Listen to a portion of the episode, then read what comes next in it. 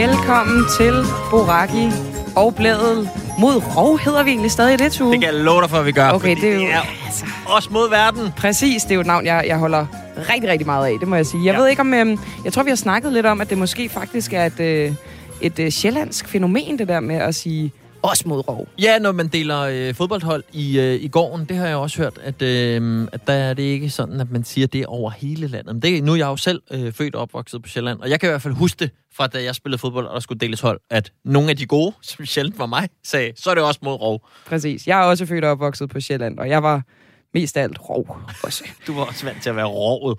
Tue, øh, vi har et øh, frisk og dejligt program i dag. Mm-hmm. Vi er friske og glade, sådan nogenlunde i hvert fald. Jeg, jeg, jeg døjer lidt med en form for snue øh, slim i halsen arrangement herover. Jeg er meget gennemtestet, øh, gennemvaccineret og har også haft corona, så der er ikke noget med det. Men øh, hvis jeg lige pludselig får et hosteanfald, så skal jeg beklage på forhånd. Ja, og så må du ikke glemme klumpfoden, som Nå du ja, også slæber rundt på. jeg har en, lad os kalde det en sportsskade. Jeg har en lille, lille forstuning i min forfod. Jamen, det synes jeg godt, man kan sige, fordi at øh, altså, alkoholkulturen i Danmark er vel for længst blevet en folkesport. Så på den måde, så synes jeg, at sagtens vi kan kalde det Den, en den løber foran både håndbold og fodbold, Mhm. mm-hmm. øh, når det kommer til sport. I dag der øh, skal vi forbi både skøjteløb, corona, slåskampe, kryptokunst, cykelsport, fodbold og herre og damer. Jeg kunne blive ved. Altså, det er et helt vanvittigt program. Så jeg synes, I skal blive øh, hængende her i Boracke Men Tue, inden vi øh, hopper ud i det, så synes jeg lige, at der er en sag, vi bliver nødt til at runde. Mhm. Øh, om denne her tennisspiller, som hedder Peng Shuai. Ja, det er en vild historie. Ja, hele verden snakker om hende lige nu. Hvorfor gør de det? Det er, fordi hun er forsvundet, eller hun var forsvundet, eller måske er hun det stadig. Altså, det, det ved man ikke rigtigt, men i starten af november skrev den her tennisspiller på det statsovervågede kinesiske sociale medie, der hedder Weibo, og fortalt om, hvordan hun for nogle år siden ligesom er blevet seksuelt krænket af en vicepræsident i Kina. Øhm, og så starter balladen, ikke? Fordi det der opslag, det får kun lov til at ligge der i sådan cirka 20 minutter. Øhm, og alle fra det officielle Kina, de afviser ligesom at tale om den her sag. Øh, men det, der så sker, er, at lige pludselig er der ikke nogen, der kan komme i kontakt med hende her, øh, Peng Shuai. Og så begynder man jo at blive sådan lidt... Man kender Kina, ikke? Uha, Ja, ja. ud og kritisere toppen af, af partiet og sådan noget. Det er ikke helt Og så pludselig tager hun ikke telefonen. det er det. Ja.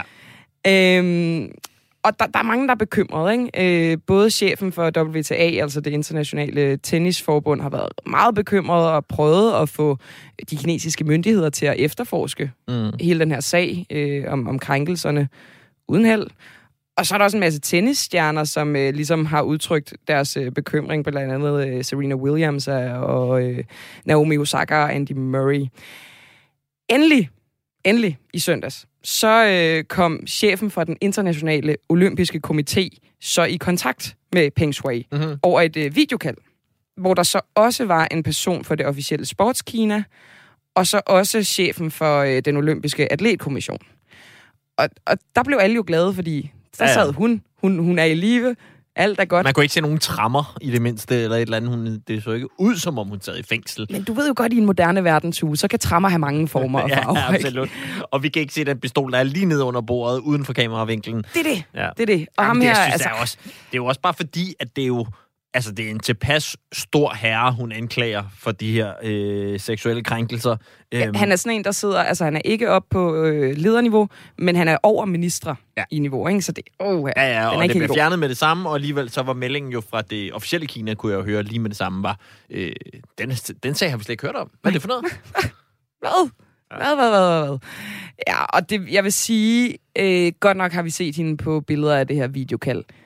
Øh, ja, jeg, jeg ved ikke helt, hvad jeg skal tænke. Og det er samme med ham her, øh, chefen for WTA, altså tennisforbundet, Mm. øh, Steve Simon, han er også sådan lidt. Men var der nogen, der sad med en øh, form for hånd op i hende og talte, som var hun en hånddukke? Det kan man jo ikke rigtig vide.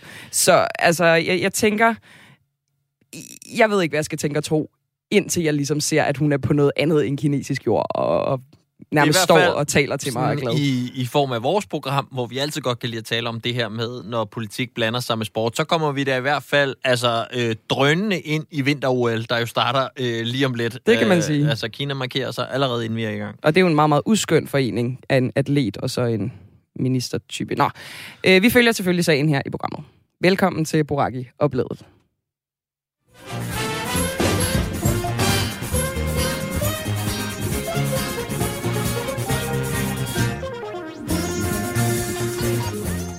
Satte jeg en forkert jingle på det? Nej, har du sat bare to oven i hinanden. Nå, okay, men det er fordi, jeg føler mig som en, en DJ i dag. Mm-hmm. Øhm, tu, nu skal vi snakke om øh, Peter Smeichel. Mm-hmm. En øh, efterhånden sådan lidt kontroversiel figur, øh, fordi han jo både har haft lidt øh, hud med Rusland, og nu også har sådan ret tætte bånd med både FIFA, og så selvfølgelig sammen med det også Katar, som jo er vært for, øh, for VM næste år.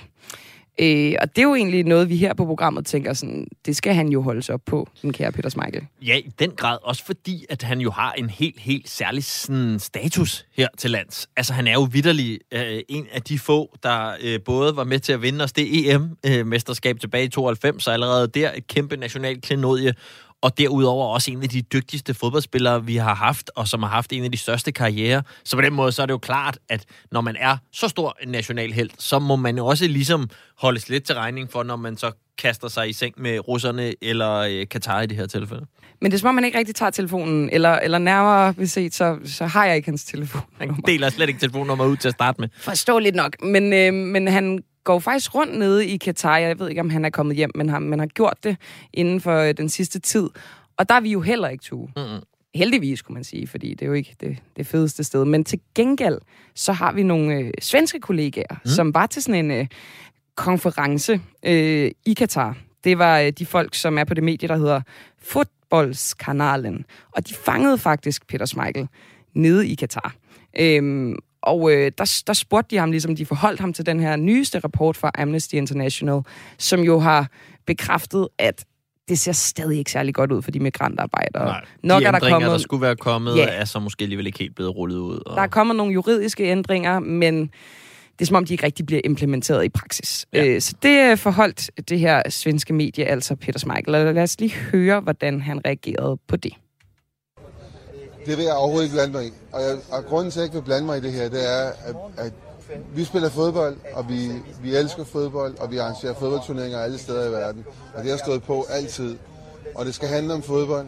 Der er mange, mange, mange andre niveauer af det her, den her debat, som aldrig bliver taget op. Men når det handler om fodbold, så bliver den altid taget op. Jeg synes bare, at vi skal holde os helt fri af det. Der har været alt muligt, mange andre arrangementer alle mulige steder i verden, som aldrig nogensinde bliver berørt at jeg blev hyret til at sidde øh, af min danske regering til at sidde med i en, øh, en, øh, en lunch, øh, fordi at øh, et dansk selskab skulle have en, en øh, koncession i nogle af de her lande. Og så er det ok. Og jeg bliver helt forvirret over, at jeg godt kan tillade mig at gøre det, men vi kan ikke tillade os at spille fodbold.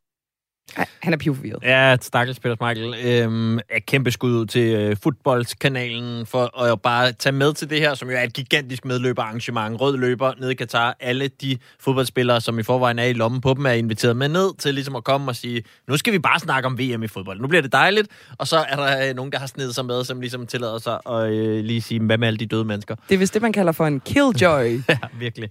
Øhm, ja, du skal slet ikke sætte mig i gang med Peter Smeichel. Jeg må godt nok indrømme, jeg synes, det begynder at være en uh, tynd affære. Altså. Til gengæld satte det her svenske medie altså lidt mere gang i Peter Smeichel, for han blev så rasende, at jeg lige har tilladt mig at tage endnu et klip med, som jeg synes altså, var lidt sjovt.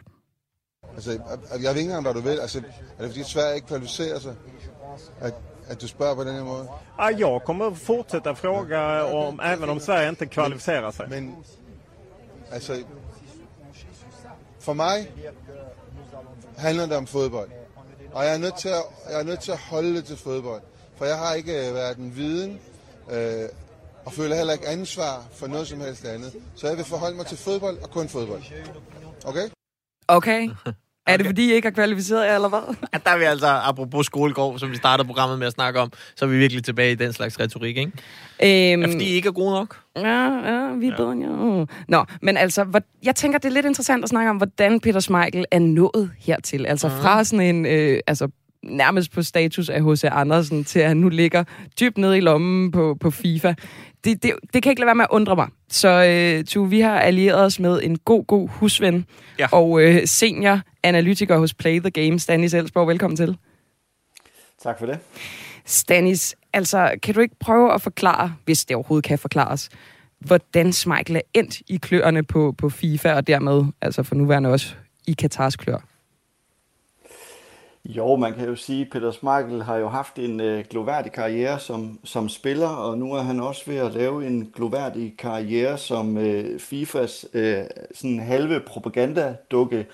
Altså, det er jo ikke lang tid siden, at øh, vi hørte fra ham i forhold til, at der også skal være VM hvert andet år. Det er den bedste idé, der er kommet i lang tid for FIFA, øh, synes Peter Schmeichel.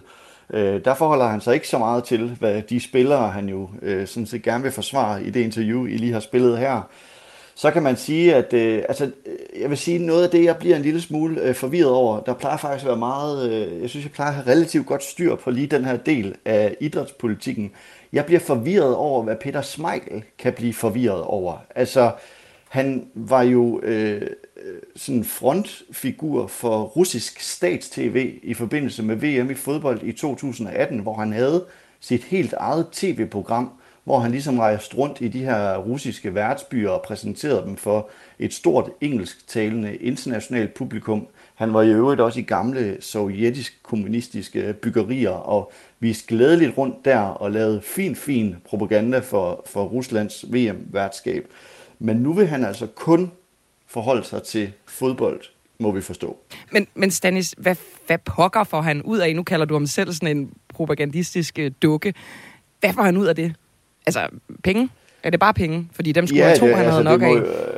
Øh, ja, det, det, det, ja, det skulle man tro. Altså, han har jo også haft en fin karriere som tv-vært på diverse TV3-programmer, hvor han sikkert også har tjent øh, fint med penge. I øvrigt også fodboldprogrammer, men også andre underholdningsprogrammer.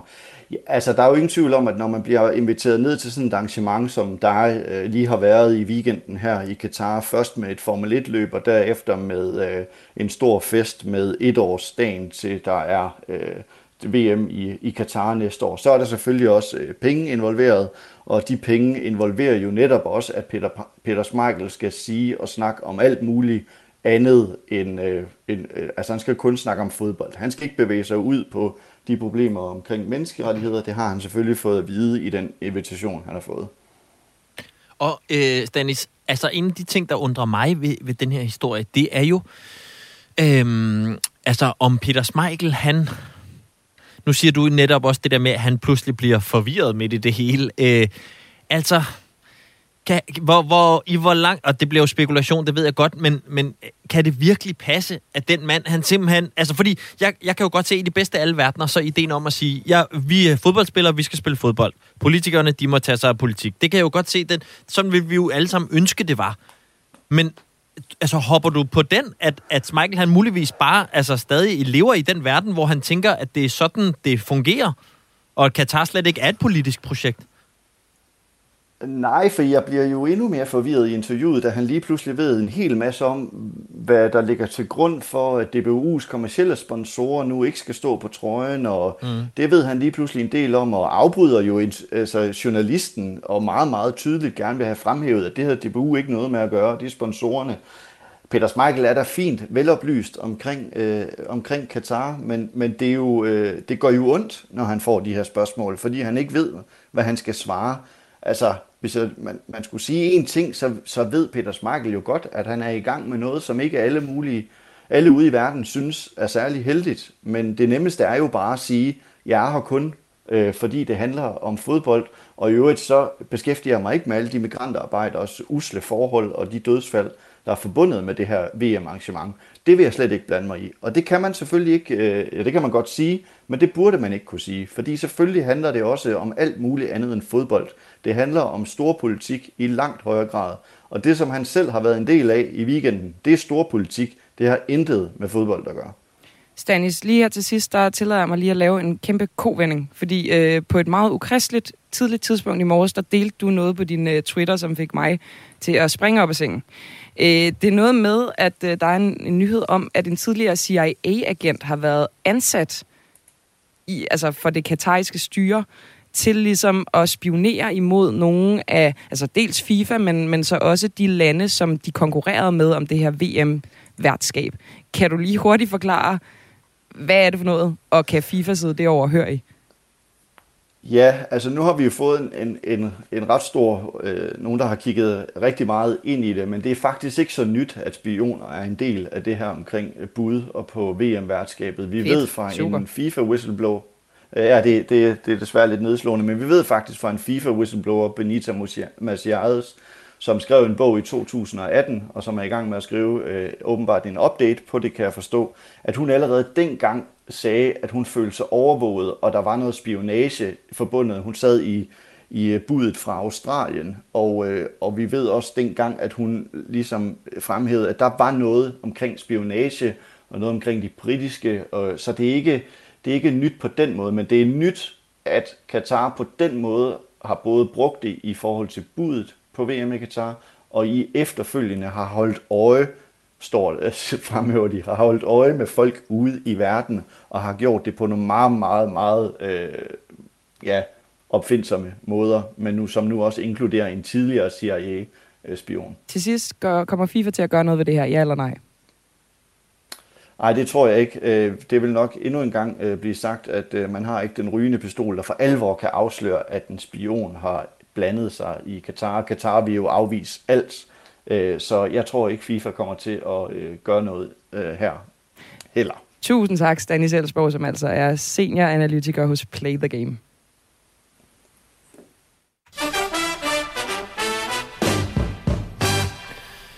Camilla, jeg er så småt begyndt at få øjnene op for, hvordan du fungerer som verdensborger. Nu har vi jo sendt sammen i nogle måneder, og jeg ja. ligesom, det, det, det er begyndt at gå op for mig, at altså, du, nogen vil have deres yndlingsmedier, de orienterer sig. Nogen elsker Ekstrabladet, andre læser New The York New York Times. Times. Oh yes. Ja, der får du ligesom al din uh, information om hele verden set igennem cykelryttere.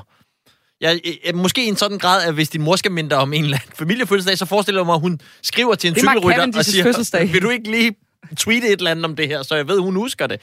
Fordi øh, her i løbet af ugen, øh, så kunne jeg mærke, at du pludselig gik voldsomt op i øh, kryptokunst, og hvor jeg tænkte, hvor fanden kommer den interesse fra? Men den kommer så selvfølgelig igennem nogle cykelrytter. Ja, fordi for det første, hvad fanden er kryptokunst? Og jeg, jeg anede det heller ikke, men altså, da jeg ligesom så, okay, der er nogle cykelryttere, som er i gang med et eller andet, så måtte jeg jo selvfølgelig undersøge det, for du har ret. Det er faktisk hele mit verdenssyn, som kommer fra, øh, fra cykelrytter. Øhm, altså, det handler om de her NFT'er. Og jeg tøver meget, når jeg skal sige det her, fordi jeg har faktisk stadig enormt svært ved at forstå det. Men, men det er en eller anden teknologi, som sikrer unikheden af internetkunst. Mm. Fordi ellers, altså det store internet, der kan man jo bare dele, dele, dele, dele, dele. Ja. Så der er et eller andet med en kodning bag, som gør, at man ved, at lige præcis det stykke kunst er super unikt. Ja. Og så kommer cykelrytterne så, som jo laver en form for sådan animationer af deres sejre, blandt andet den cykelrytter, der hedder Wout van Aert, mm-hmm. som øh, jo i sommer blandt andet vandt på Champs-Élysées under Tour de France og på det legendariske bjerg Mont Ventoux. De sejre sammen med en tidligere sejr har han solgt og fået 350.000 kroner for det. Og min hjerne, sådan, den eksploderer helt vildt. Altså, jeg, jeg forstår det overhovedet ikke. Også fordi, og... at hvis man skulle være lidt grov, så er det en lidt fin gif. I Hvad siger du? Altså, så er det sådan lidt en fin gif. Ja. Yeah. Meget mere er det egentlig ikke. Øh, altså, sådan mere kunst er det heller ikke. Men så, som du selv siger, så kan man ligesom ikke copy-paste den. Det kan man det er ligesom ikke. det, der er finden. Ja, og det spørgsmål er, hvorfor er det her et fænomen, og hvad er finden overhovedet? Og øh, til det, der har vi nu en, øh, en form for ekspert med. Det er dig, Esben Hardenberg. Du er tech-journalist. Velkommen til. Tak for det. Esben, kan du øh, prøve at sige i sådan mennesketermer, hvad er en NFT? Jamen, som I også er inde på her, så er det en ret kompleks størrelse, og det er det både teknisk, og det er det også i forhold til selve konceptet, ikke? Men jeg vil prøve at, at fortælle om det, så både min mund og vores allesammens øh, hoveder ikke eksploderer mere, end, tak. uh, end de allerede er, ikke? Så en NFT består af en digital genstand, altså en computerfil eller en samling af computerfiler, og så en kvittering eller et ejerskabsbevis på de filer. Så det kan være et digitale samlekort, som er lidt det, vi taler om nu her, ikke med de her uh, små videofiler af sejre, det kan også være kunstværker i form af billeder eller, eller videofiler, og så kan det også være programme, øh, programmer eller øh, spilgenstande, altså et svært i et computerspil. Og det særlige det er så det her med, at der er en begrænset mængde. Øh, så hvis jeg laver et, et, øh, et værk eller et samlekort, så definerer jeg, hvor mange der skal være af de her ejerskabsbeviser, og hvor mange der så kan sælges. Og det kan ikke ændres efterfølgende. Så i et normalt musikalbum, det kan man jo bare kopiere i, øh, i vildskaber, der kan hele tiden sælges flere af dem. Ikke? Men, men tanken her er så, at ejerskabsbeviset kan man ikke kopiere. Man kan faktisk godt kopiere GIF'en eller videofilen, eller hvad det nu måtte være, men, hvis, men du kan ikke øh, kopiere ejerskabsbeviset, så det er det, der er finten ved det. Men hvordan kan det være øh, værdifuldt? Jeg fatter det ikke. Altså, hvis man kan kopiere selve... Altså, eller det kan det måske godt, man kan selvfølgelig også kopiere kunst. Uh, jeg synes, det er svært at forstå det her. Hvorfor det overhovedet er blevet værdifuldt? Fordi det er som om, der er bare nogen, der har besluttet, det er værdifuldt, nu laver vi det, og så har det en værdi.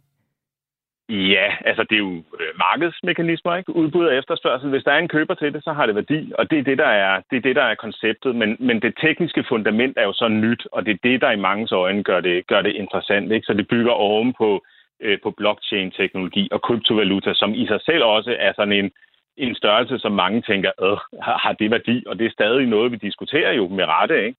Øh, men det er samme koncept her, ikke? at hvis det, har, hvis det har værdi for dig øh, at eje et, øh, et billede af, af Fausto Coppi på en, øh, på en fed cykel, ikke? jamen så det er det. Det har det, det, har det. ja, det, så har det jo værdi. Ikke? Øh, ja.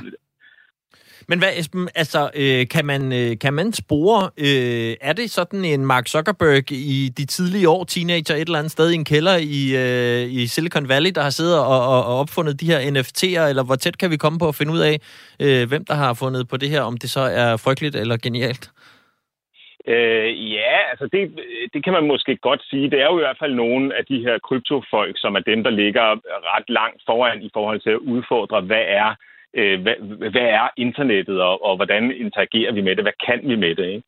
Så man kan sige, om man synes, det er interessant eller ej, og man synes, det er penge eller ej, det kan man jo diskutere, men det er i hvert fald nyt, at vi på den her måde kan, øh, hvad skal man sige, kan, kan verificere ejerskabet, og at vi som enkelte personer kan, øh, kan handle med det. Så jeg synes helt klart, at der er noget enormt spændende ved det her der er også en hel masse problematiske sider ved det, ligesom der er i øvrigt er med kryptovaluta, øh, både i forhold til, hvor meget øh, strøm det bruger, og hvor meget hvidvask af penge osv., der foregår. Ikke? Øh, men men det, det, skal man ikke lade sig snyde af, fordi der er, der er helt klart noget, der er helt klart noget i det her. Om, man skal ikke regne med at blive rig, man skal ikke gøre det som en investering, men man skal gøre det, hvis man synes, det er fedt at eje sådan et, sådan et lille billede og kan se pointen i det. Hvis man ikke kan, så kan man heldigvis bare fortsætte med det, man var i gang med, øh, og lukke øjnene på det her. Det kan jo være, det er lidt svært for nogle af dem, som bliver super betaget af sådan en Wout van Aert sejr på en, en NFT. Jeg har kun et spørgsmål tilbage til dig, Esmer. Det er måske en lille smule farvet af, at jeg er så glad for cykelrytter. Er det sikkert for dem, at de sælger det her? Altså, kommer de ud i noget snavs? Kommer de ud i noget kriminelt? Nu siger du, der kan være lidt problematikker, ved sådan noget krypto. Halløj. Ja, nej, altså cykelrytterne eller, eller deres agenter eller ejer ejere, eller hvem der er, der laver de her, øh, de her øh, NFT'er, det, det er for så vidt øh, fint nok, og så jeg tror ikke, de kommer ud i noget kriminelt. Det, der kan ske, det er, at vi som, som ejer, hvis vi køber det som investering, så kan vi miste alle vores penge osv., men, men vi bliver ikke pludselig øh, retsforfulgt ved at, ved at købe og, og sælge de her. Det, øh, det kommer ikke til at ske, så længe vi husker at betale øh, det, der skal betales. Så langt, så godt. Tak for det, og for forklaringen af NFT'er, Esben Hardenberg, som altså er tekstjournalist. Og så synes jeg, Camilla, at øh, altså, du ved, jeg kunne godt mærke i det interview, at, at du at vi forstod det alle sammen lidt mere, men jeg fornemmer ikke, du om... Altså, du kalder det stadig kryptohalløj. Alene i det synes jeg ligesom ikke, du omfavner det 100%. Jeg føler ikke sådan, du er lige ved at købe det. Det er fordi, jeg er lige så forvirret som Peter Smeichel er, når han snakker om menneskerettigheder. Ja, prøv at øh, Jeg synes jo, det er spændende, det her ja. krypto. Men det er rigtigt, Peter Smeichel, han kunne også sagtens have sagt, ja, og det der menneskerettighedshalløj. Hvad er det? Ja, jeg hvad er det nu med det? det? Øhm, nej, men altså, jeg, jeg synes jo faktisk, det er ret spændende det her. Især taget i betragtning af, at cykelsporten jo ikke vader i penge. Mm. Og hvis det her lige pludselig kunne blive en indtægtskilde for nogle af rytterne, ikke fordi de lider ned på den måde, men altså, jeg vil jo gerne have flere penge til at florere i cykelsporten. Jeg vil gerne have flere penge, som netop ikke kommer fra Katar og Bahrain og alle de steder der. Så, så på den måde er jeg jo lidt nysgerrig på, om det er et fænomen, der ligesom er forbeholdt sådan de allerstørste verdensstjerner, Mark Cavendish og Wout mm. Aert, som jo har kigget ind i det, eller om det spreder sig ned i feltet. Ja. Så derfor ringede jeg til en, øh, en kammerat, en dansker i feltet, Kasper Pedersen, som øh, kører for DSM, mm-hmm. fordi at jeg tænkte, jeg har hørt, at han engang har sagt, at han handler med aktier, så han må da vide noget om det her.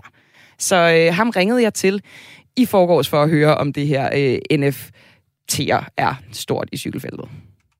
Først og fremmest, Kasper, så vil jeg gerne lige høre, om du har hørt om de her NFT'er før. Jamen, det har jeg. Øhm, det er egentlig mest sådan uh, lidt løs snak uh, på nogle træningsture omkring uh, de her NFT'er, som der bliver lidt hypet. At det, det skulle være noget nyt, uh, unikt uh, digitalt, som ikke kan blive kopieret. -agtigt. Øh, nu siger du på træningstur, altså er det, er det noget, man snakker om sådan på holdet og i feltet? Ja, det har ikke været så meget, altså, men, øh, men jeg har da haft nogle, nogle ture med forskellige også, hvor at det er kommet op som en ting. Øh, mest nok også, fordi at det, det er sådan nyt, så, så det er også sådan lidt, og man prøver sådan lige at diskutere lidt, hvad folk synes om det, om det er lidt noget, øh, hvad kan man sige, lidt gøjleagtigt, eller om det er en ting. Og, og hvad er, sådan, er folk sådan, sådan spændte og begejstrede for det, eller er de mere kritiske over for det?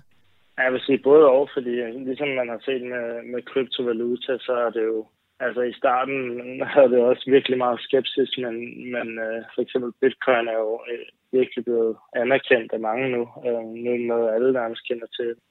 Og jeg tror måske lidt, at det er det samme med, med de her NFT'er. At det er så nyt lige nu, at, at mange nok ser det også lidt som noget, der også bare kan være en gimmick, men, men alligevel med den viden omkring bitcoins udvikling for eksempel, at, at man også på en eller anden måde har en interesse for, om det faktisk kan blive noget stort. Og hvad med dig selv? Er det noget, du, øh, er du der, hvor du overvejer det? Nej, det vil jeg ikke sige. Jeg har ikke sådan overvejet, øh, overvejet at kigge ind i at købe nogle af dem eller noget. Det vil jeg ikke sige. Eller sælge måske, fordi altså, nu har Wout van Aert, han har lige tjent, han har solgt tre værker. Han har tjent sådan noget 350.000 på at sælge værker af sine sejre. Kunne ja. det være noget? Ja, men altså, nu, jeg tror også, han har lidt flere, øh, flere sejre at kunne lave værker ud fra, så øh, så for en type som ham, så giver det nok mere mening end, uh, end, end for en rytter som mig. Um, så du kunne ikke finde på at sælge din, din sejr i Paris Tours? Altså, det kunne da være meget sjovt at lave en NFT, men jeg har slet ikke sat mig ind i, hvordan det overhovedet bliver produceret, og, og jeg tror heller ikke, der er lige så meget øh, bagved, uh, hvis jeg laver det, ligesom når der er fanart. Hvorfor tror du, at, at de gør det her? Fordi som du siger, man kender ikke så meget til det endnu, og sådan på den ene side, så så er det måske meget spændende, men på den anden side, så er man måske også en lille smule skeptisk, skeptisk fordi man ikke rigtig ved, hvad det er. Hvorfor, hvorfor tror du, at øh, de her store verdensstjerner vælger at gøre det alligevel så tidligt? Jeg tror, altså, der kan være flere grunde til det. Altså, noget kan det også være, at, øh, at det er marketing. Altså, de deciderede firmaerne bag, hvis de producerer dem, måske har nogle aftaler med dem, at det er noget sponsorat involveret også. Øhm, men ellers så tror jeg også bare, det kan være en ekstra måde at lave en uh, indsigtskilde på. Altså, der kan være mange motiver bagved. Og især uh, hvis man gerne vil prøve at være med på, på den nyeste bølge, så det er jo måske en ting at prøve af. Jeg tænker sådan, det koster dem jo ikke noget at prøve det. Hvis så det skulle gå hen og, og ikke blive til, til en ting i fremtiden, så, så var det, hvad det var, ikke? Ja, okay. Og måske det samme skal blive en stor ting i fremtiden, når det bliver mere og mere anerkendt, ikke? Fordi det er jo en måde at gøre digitale ting unikke. Ja, ja, lige præcis. Lige præcis. Og når man altså, snakker cykelsport, så er det jo også en sport, som ikke sådan vader i penge lige frem. Så måske, ja. måske det kunne være en måde at, at få lidt flere penge ind. Ja, det kunne det faktisk.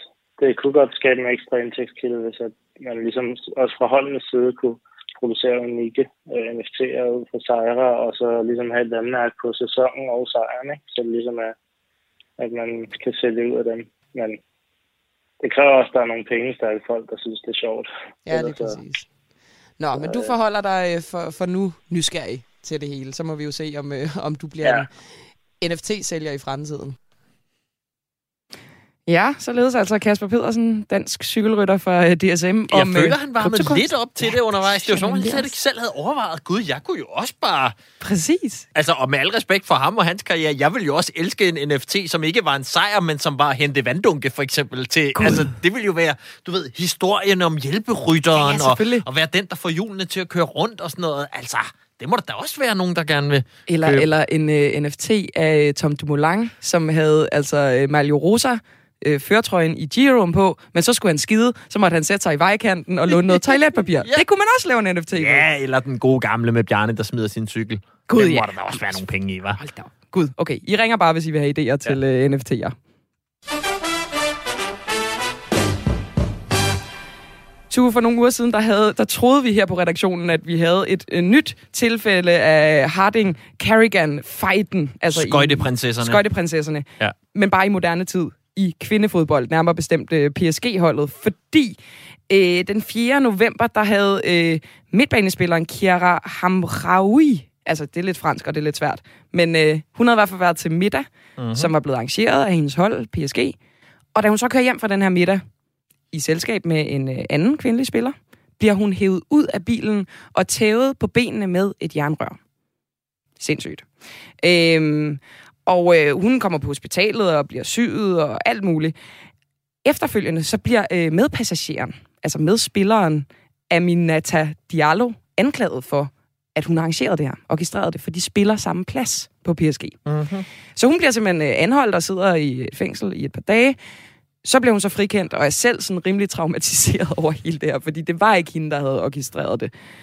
Nu tror man så, at det er en kone til en eller anden tidligere Barcelona-spiller, fordi hende, der blev slået ned, åbenbart har haft en affære med den tidligere Barcelona-spiller. Den her sag er vanvittig, ja. og det skal vi nok følge op på. Men jeg tænkte, altså nu nævnte jeg det lige i starten, ikke? Mm. Harding og Carrigan-sagen. Er det ikke tid til, at vi lige skal have genopfrisket, hvad søren, der skete dengang, for det var jo vanvittigt i sig Ja, selv. det er virkelig sådan, øh, ikke, jo selvfølgelig i, i alt skøjteløb vil det selvfølgelig for evigt være sådan et, et milepæl, men jo også bare i sport i det hele taget var det der en vild, vild historie, som vi tænker, vi sagtens lige kan dykke ned i en gang til. Lige præcis, og det skal vi med uh, Julia Sandsten, som er tidligere sportschef i uh, Dansk Skøjteunion og kommentator for både DR og TV2. Velkommen til. Tak skal du have. Altså, der skete jo nogle ret voldsomme hændelser tilbage der i, øh, i 1994. Men der lå jo en rivalisering imellem uh, Tonya Harding og Nancy Kerrigan til grund for hele det her. Hvorfor var de rivalinder, de to? Altså, først og fremmest var de jo rivalinder, fordi det var, de var to af de store favoritter til, til kvindernes OL-guld øh, i, øh, i Lillehammer. Øh, de var begge to øh, amerikanere, men, men kom ligesom fra to vidt forskellige øh, baggrunde. Øh, Kerrigan, som, øh, som kom fra den her øh, ressourcestærke øh, familie, øh, altid hvad hedder det, fremstod altid smuk og yndig og flotte kjoler og så videre. Øh, og så i forhold til Tonja Harding, som voksede op i en trailerpark med øh, vold og alkohol, og en far, der forlod dem tidligt. Og, men, men ligesom Carrigan var hun på isen et, øh, et kæmpe talent, dog lidt mere øh, teknisk talent med, med fart og, øh, hvad hedder det, og svære spring. Øh, så man kan sige, at de var, de var begge to øh, store favoritter, men, men ligesom fra, de kom med to vidt forskellige pakker og to vidt forskellige baggrunde. Og hvis vi så lige skal dykke ned i selve hændelsen, og hvad det er, der sker. Vi har lige et lydklip først fra en amerikansk tv-station, som lige sætter det lidt i scene, og så øh, tænker vi, at du, Julian, bagefter måske lige kan fortælle os lidt mere om, hvad det egentlig var, der skete. Men lad os lige høre klippet først. January 6th, 1994, 25 years ago today, the day the genteel sport of figure skating became a media circus. For that was the day an assailant clubbed Nancy Kerrigan on the leg as she left the ice after practice at the U.S. Olympic trials in Detroit. Someone was running by me and and he just like whacked me with this long black like stick. Ja, øh, Julia, øh, kan du ikke lige sætte lidt flere ord øh, på for os alle sammen, hvad det var, øh, der skete dengang?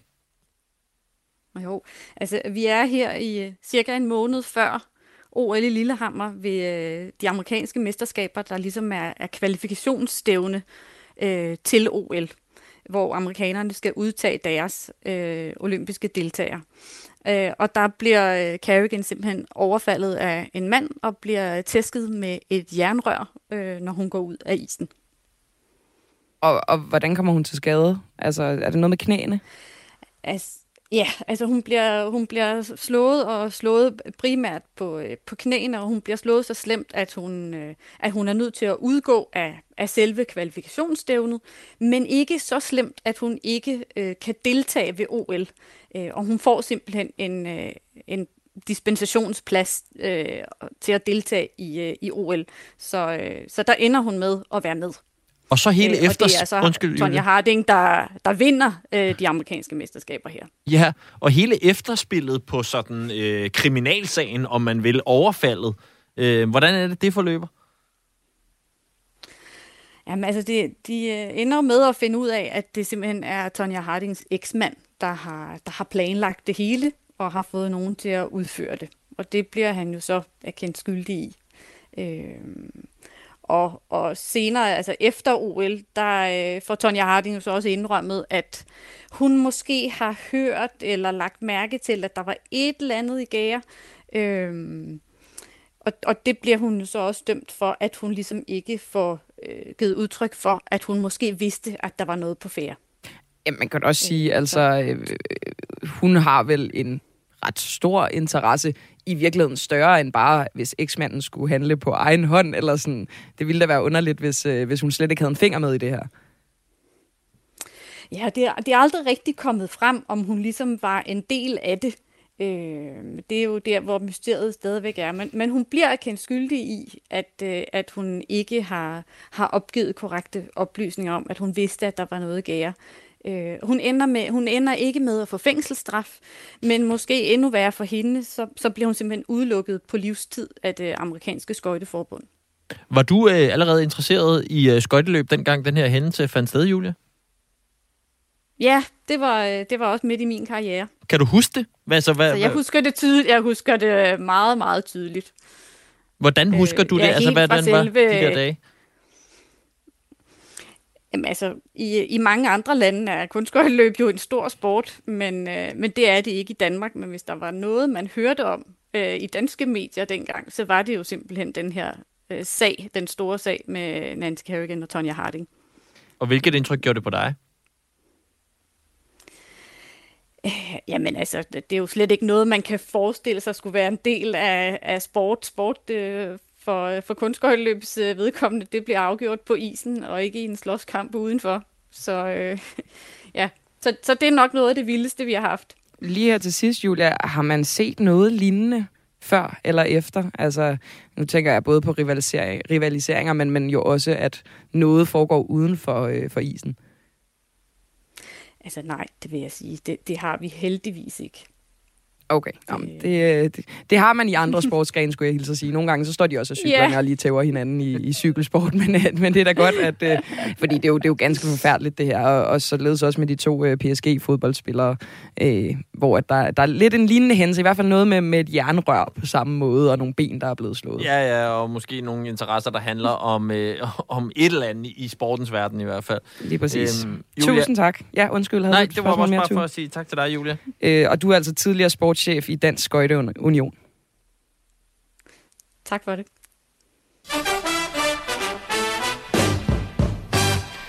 Huha, fra øh, tæv med jernrør, altså det er lige før, man kommer til at tænke på ham der fra Terkel i knibe, jaseren. det er rigtigt. Så trænger vi altså til, øh, til nogle helte nu, ikke? Og det skal vi altså bare have, fordi i den her weekend, der var der Formel 1. Woohoo! Mm. Det var så, som faktisk Stanis Elsborg sagde tidligere i dag, i Katar. Det blev afholdt. Øv. Og ved du hvad, det var øh, alle gutterne, der var med. Det var Raikkonen og Schumacher. Ikke Michael Schumacher, men hans søn. Ja. Og øh, Lewis Hamilton. Det var hele banden. Ja. Super arrangement.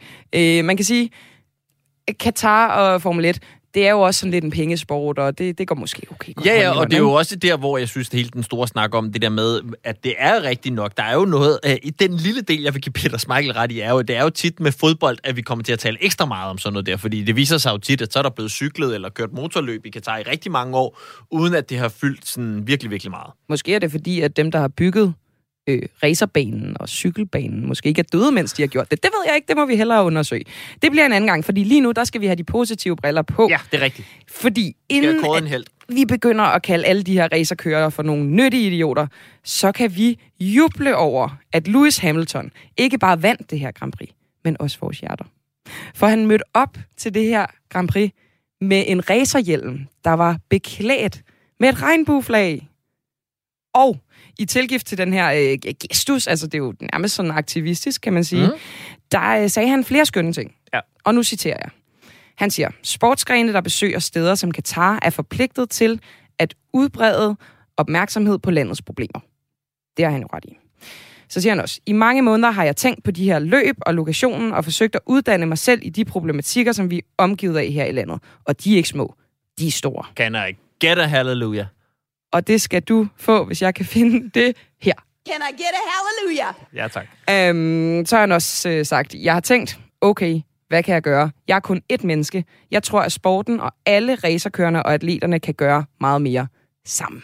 Ah, men det er... Jamen, han er da en fantastisk fyr. Altså, det altså, han er helt, øh, helt. Helt varm om hjertet.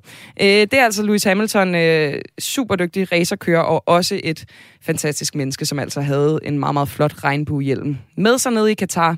Og det var jo i øvrigt sådan noget med, at øh, han fik den her idé lige op til, så han skulle hen til de der hjelmproducenter og sådan, skynd jer, drenge, skynd jer, drenge, og så kunne han så endelig få den. Det, jeg synes, det er en meget, meget Ja, men jeg synes, i det hele taget, han har jo øh, flere gange øh, udmærket sig ved ligesom godt at turde øh, bruge sin platform til andet end at snakke om øh, racerløb. Eller Lige præcis. Og det er jo, altså, han gør jo lidt det modsatte af det, som vi hører andre atleter, også for eksempel Peter Schmeichel sige det her med, han uddanner sig faktisk. Mm. Mm. Han laver lige den der ret hurtige, skal det sige, Google-søgning, hvor man kan finde ud af, hvor gralt det står til. Så øhm, ja, tillykke til ham, og vi håber da jo selvfølgelig, at der er flere, der øh, følger i Lewis Hamiltons kølvand. Jeg vil gerne have sagt julespind der, i stedet for kølvand. Det kunne have været rigtig, rigtig elegant. Nå, Tue, vi skal, vi skal videre til vi noget, klipper det ind på noget andet. bagkant. Kan vi det? Ja, der er ikke noget federe end sådan et øh, comeback sådan lidt efter, hvor man ringer op lidt senere. Det, jeg ville have sagt til dig, da du sagde det der grimme til mig, det var... Uha, oprejsning. Ja. Sprogligt. Nå, vi skal videre til, øh, til DBU. Mm-hmm. Til noget fodbold, fra, fra racerkører til fodboldspillere. Fordi det er endelig sket. DBU, Dansk Fodboldunion, Dansk Boldspilsunion hedder det helt Mhm. mm-hmm. korrekt, er blevet proaktive og går ind i kampen for migrantarbejdernes rettigheder i Katar. Det kunne vi i hvert fald forstå på øh, den pressemeddelelse, som DBU de sendte ud øh, sidste onsdag, hvor at de ligesom oplister flere af de sådan, kritiske tiltag, de vil lave i forbindelse med, øh, med VM i Katar. Og det, altså, på den her liste, der bed jeg særlig mærke i øh, en af tiltagene. Mm-hmm. Og det lyder således. Herrelandsholdets kommercielle partnere vil afgive deres plads på holdets træningstøj til fordel for menneskerettighedsbudskaber. Wow. Okay. Hvad tænker du? Jeg tænker, var der mon et øh, semikløgtigt radioprogram, som måske en dag havde øh, overleveret en t-shirt til landstræner Kasper Julemand med et således slogan? Kunne det have igangsat en, nogle idéer? Kunne det eventuelt også være løsningen? Jeg tænker rent teoretisk her selvfølgelig. Men, men jeg tror altså, noget af det teoretiske, du tænker, det skete jo faktisk i praksis. Hvad der så er sket inde ved, øh, ved de store palisanderskrivebord ja. i DBU, det kan vi jo ikke om vores t-shirt, som du overdrog til Kasper Julemand, om den har ligget eller hængt ligesom i det lokale, hvor den brainstorm er fundet sted? Altså, jeg tænker i hvert fald sådan her, Tue, øh, de har jo ikke kunne smide den ud. Fordi hvis der var nogen, der så den ligge i skraldespanden hos DBU, så ville det bare være rigtig dårlig omtale. Og vi ved jo, at journalister har for vane at rode i skraldespanden. Her Ja. tænker jeg på for eksempel Niels Christian Jung, som fandt nogle kanyler i 90'erne på nogle cykelsportshoteller.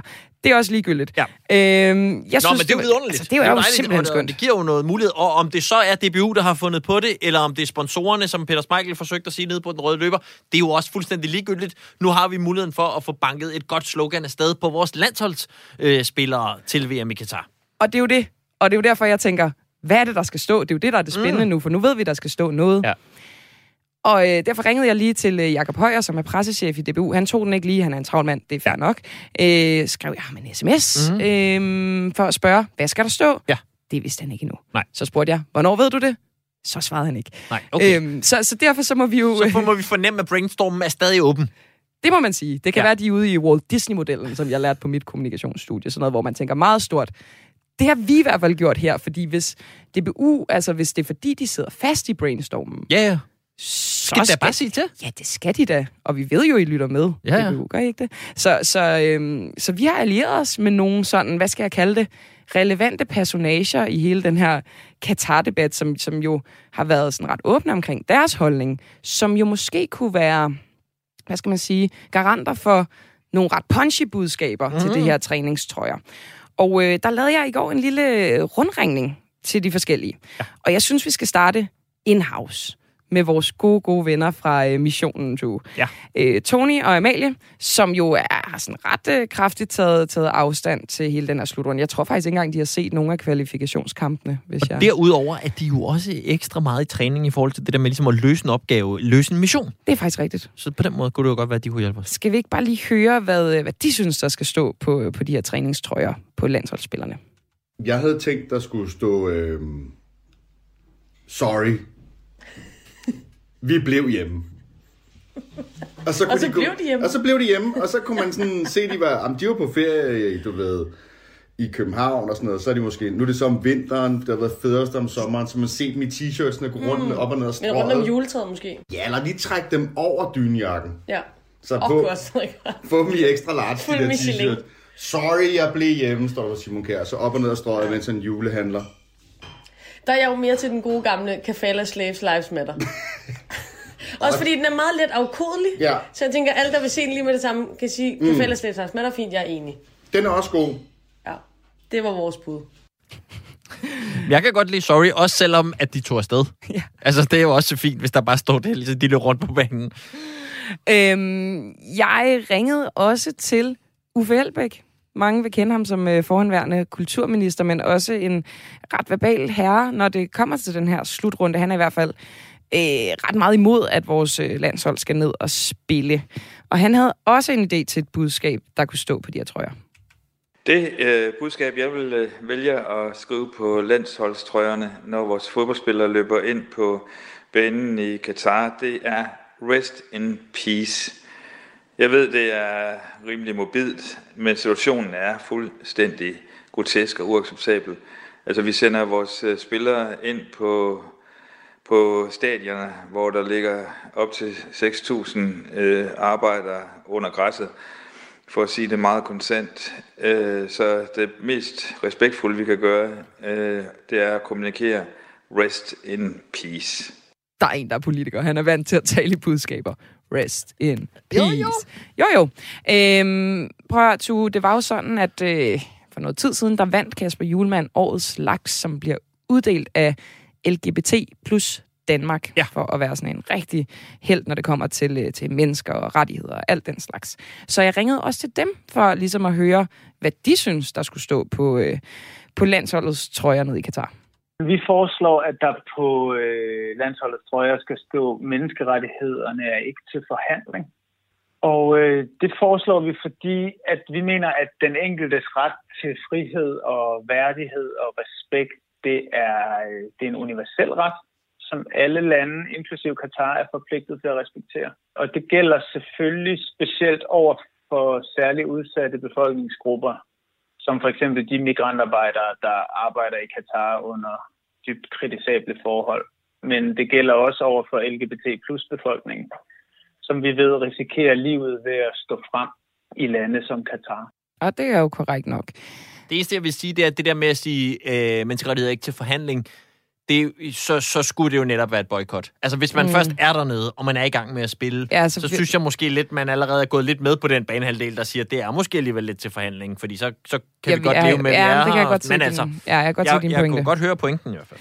Det kan være, at vi har noget lidt mere punchy fra en, som i hvert fald er ganske proaktivt, og som i øvrigt mener, at et boykot øh, er fuldstændig relevant, nemlig øh, Daniel øh, Nibur, som er øh, en af de bannerboys, har vi lidt døbt, døbt dem her Mm. på redaktionen. Dem, der har haft et, øh, et boykot Katar-banner med til samtlige landskampe. Øh, lad os lige høre, hvad Daniel han mente, at der skulle stå på trøjerne. Nu taler DBU jo om, at vi skal have menneskerettighedsbudskaber på trøjer og træningstøj. Men jeg synes, at landsholdet skal gå en lidt anden vej. Nemlig, citat, jamen de har jo ikke noget på, af H.C. Andersen fra Kejserens nye klæder. Det skal der stå af to årsager. Dels som en subtil hilsen til reglerne om, hvad der må og ikke må levere sig budskaber i forbindelse med VM, og at landsholdet jo ikke har noget på. Men det gøres primært som en kommentar direkte henvendt til FIFA for at udstille den måde, som de, i rollen som den nøgne kejser, er blevet holdt for nar af Katar-regimet, der bildte dem alle mulige fantastiske historier ind om, hvor storslået et VM i Katar vil være, imens migrantarbejdere dør i tusindvis, og korruptionen i forbundet har fået frit spil. Og selvfølgelig er det kun passende, at citatet leveres af en af nationens største og mest verdensberømte forfattere. Det er jo utrolig intellektuelt, det her. Ja, det er Men meget, meget snedigt. Ja, det synes jeg nemlig også. Jeg har også jeg prøvet også. med et par bud nemlig, men jeg er slet ikke lige så snedig. Altså, øhm, lige nu er jeg mest forelsket i Uffe Elbæks bud. Ja, altså der, hvor der skal stå rest in peace. Mm. Jeg synes, det er meget kraftfuldt. Men jeg fik faktisk også, dog kun på skrift, fat i øh, Jan Jensen, som jo er journalisten fra Ekstrabladet, som har været nede mm. i Katar og øh, afdække de her forhold for migrantarbejderne rigtig mange gange. Og øh, han skriver bare, at der skal stå human rights also in Qatar. Og det, det synes jeg skulle også er ret punchy.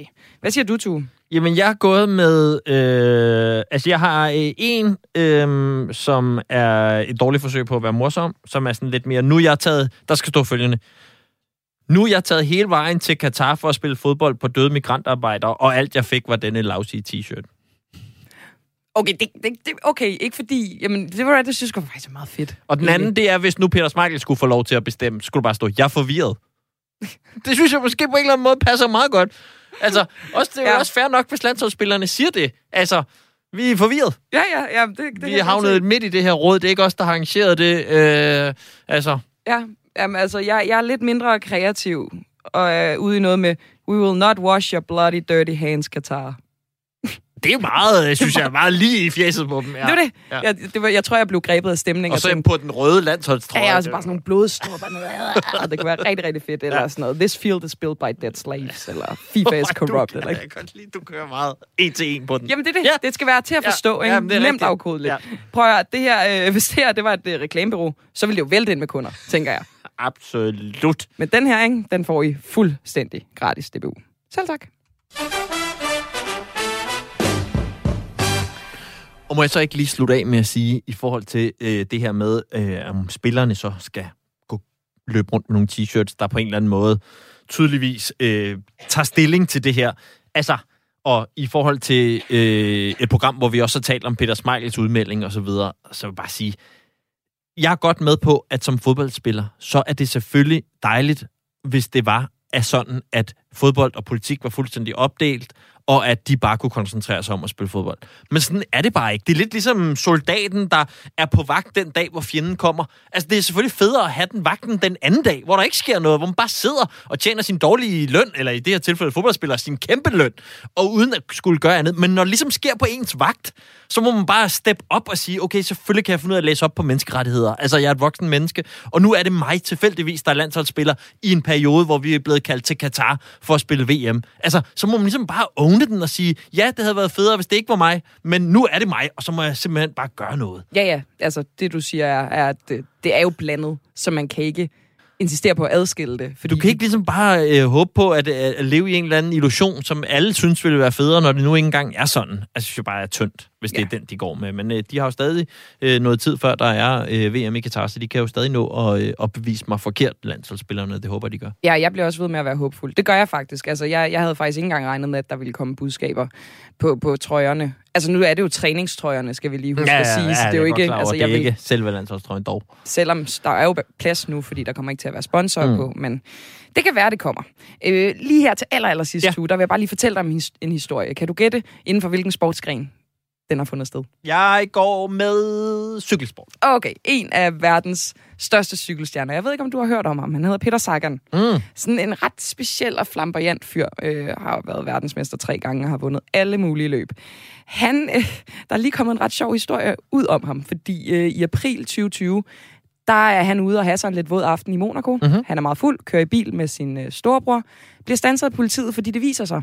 Han er ude og køre, mens der er udgangsforbud. Det er jo under lockdown, Ah. det her. Øhm, og de her politimænd, de vil gerne anholde Peter Sagan. Ja.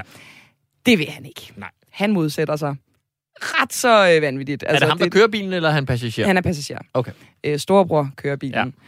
Ja. Øhm, han kommer simpelthen sådan, øh, korporligt øh, op og slås med de her politifolk så meget, at en af, øh, af, af betjenten ligesom beskadiger sin hånd. Det er jo vanvittigt i sig selv, at øh, sådan en lille cykelrytter kan... det synes jeg Det kan være, at han brugte benmusklerne. Ja, og de er store på Sagan. Ja. Øhm, nej, men det vilde er så, at hans advokater, de udtaler, at grunden til, at han gik så meget mok, var fordi han var bange for, at politibetjentene ville tage ham til hospitalet og tvangsvaccinere ham. Okay. Ja. Det synes jeg bare er, at det ligger sig jo lidt i sådan en, en slipstrøm af en masse atleter, som... Ja, øh, ja, som Pionicisto, der er for landsholdet heller Præcis. ikke. Og ja, der er... en masse NBA-spillere ja. og øh, MVP i øh, NFL-ligaen og sådan noget. Det, det florerer med dem over det hele. Det var han altså også bange for dengang. Nu har han så haft corona, Peter Sagan. Okay. Måske fordi han ikke blev vaccineret. Men, men, men, øh, men er dermed sådan en, en lille smule immun i hvert fald. I et, et eller andet vis øh, stykke tid. Så det synes jeg bare var en øh, meget sjov historie lige at slutte af på. Absolut. Og ellers så kan vi jo bare sige tak for i dag. Mm, vi høres ved næste uge. Ja, det gør vi. Øh, der ved jeg ikke helt, om vi måske skal følge lidt mere op på nogle uvaccinerede atleter. Det er Og jo forhåbentlig nærmer vi os også et budskab på de trøjer der. Uha ja. Vi ringer til DBU igen. Tak for i dag.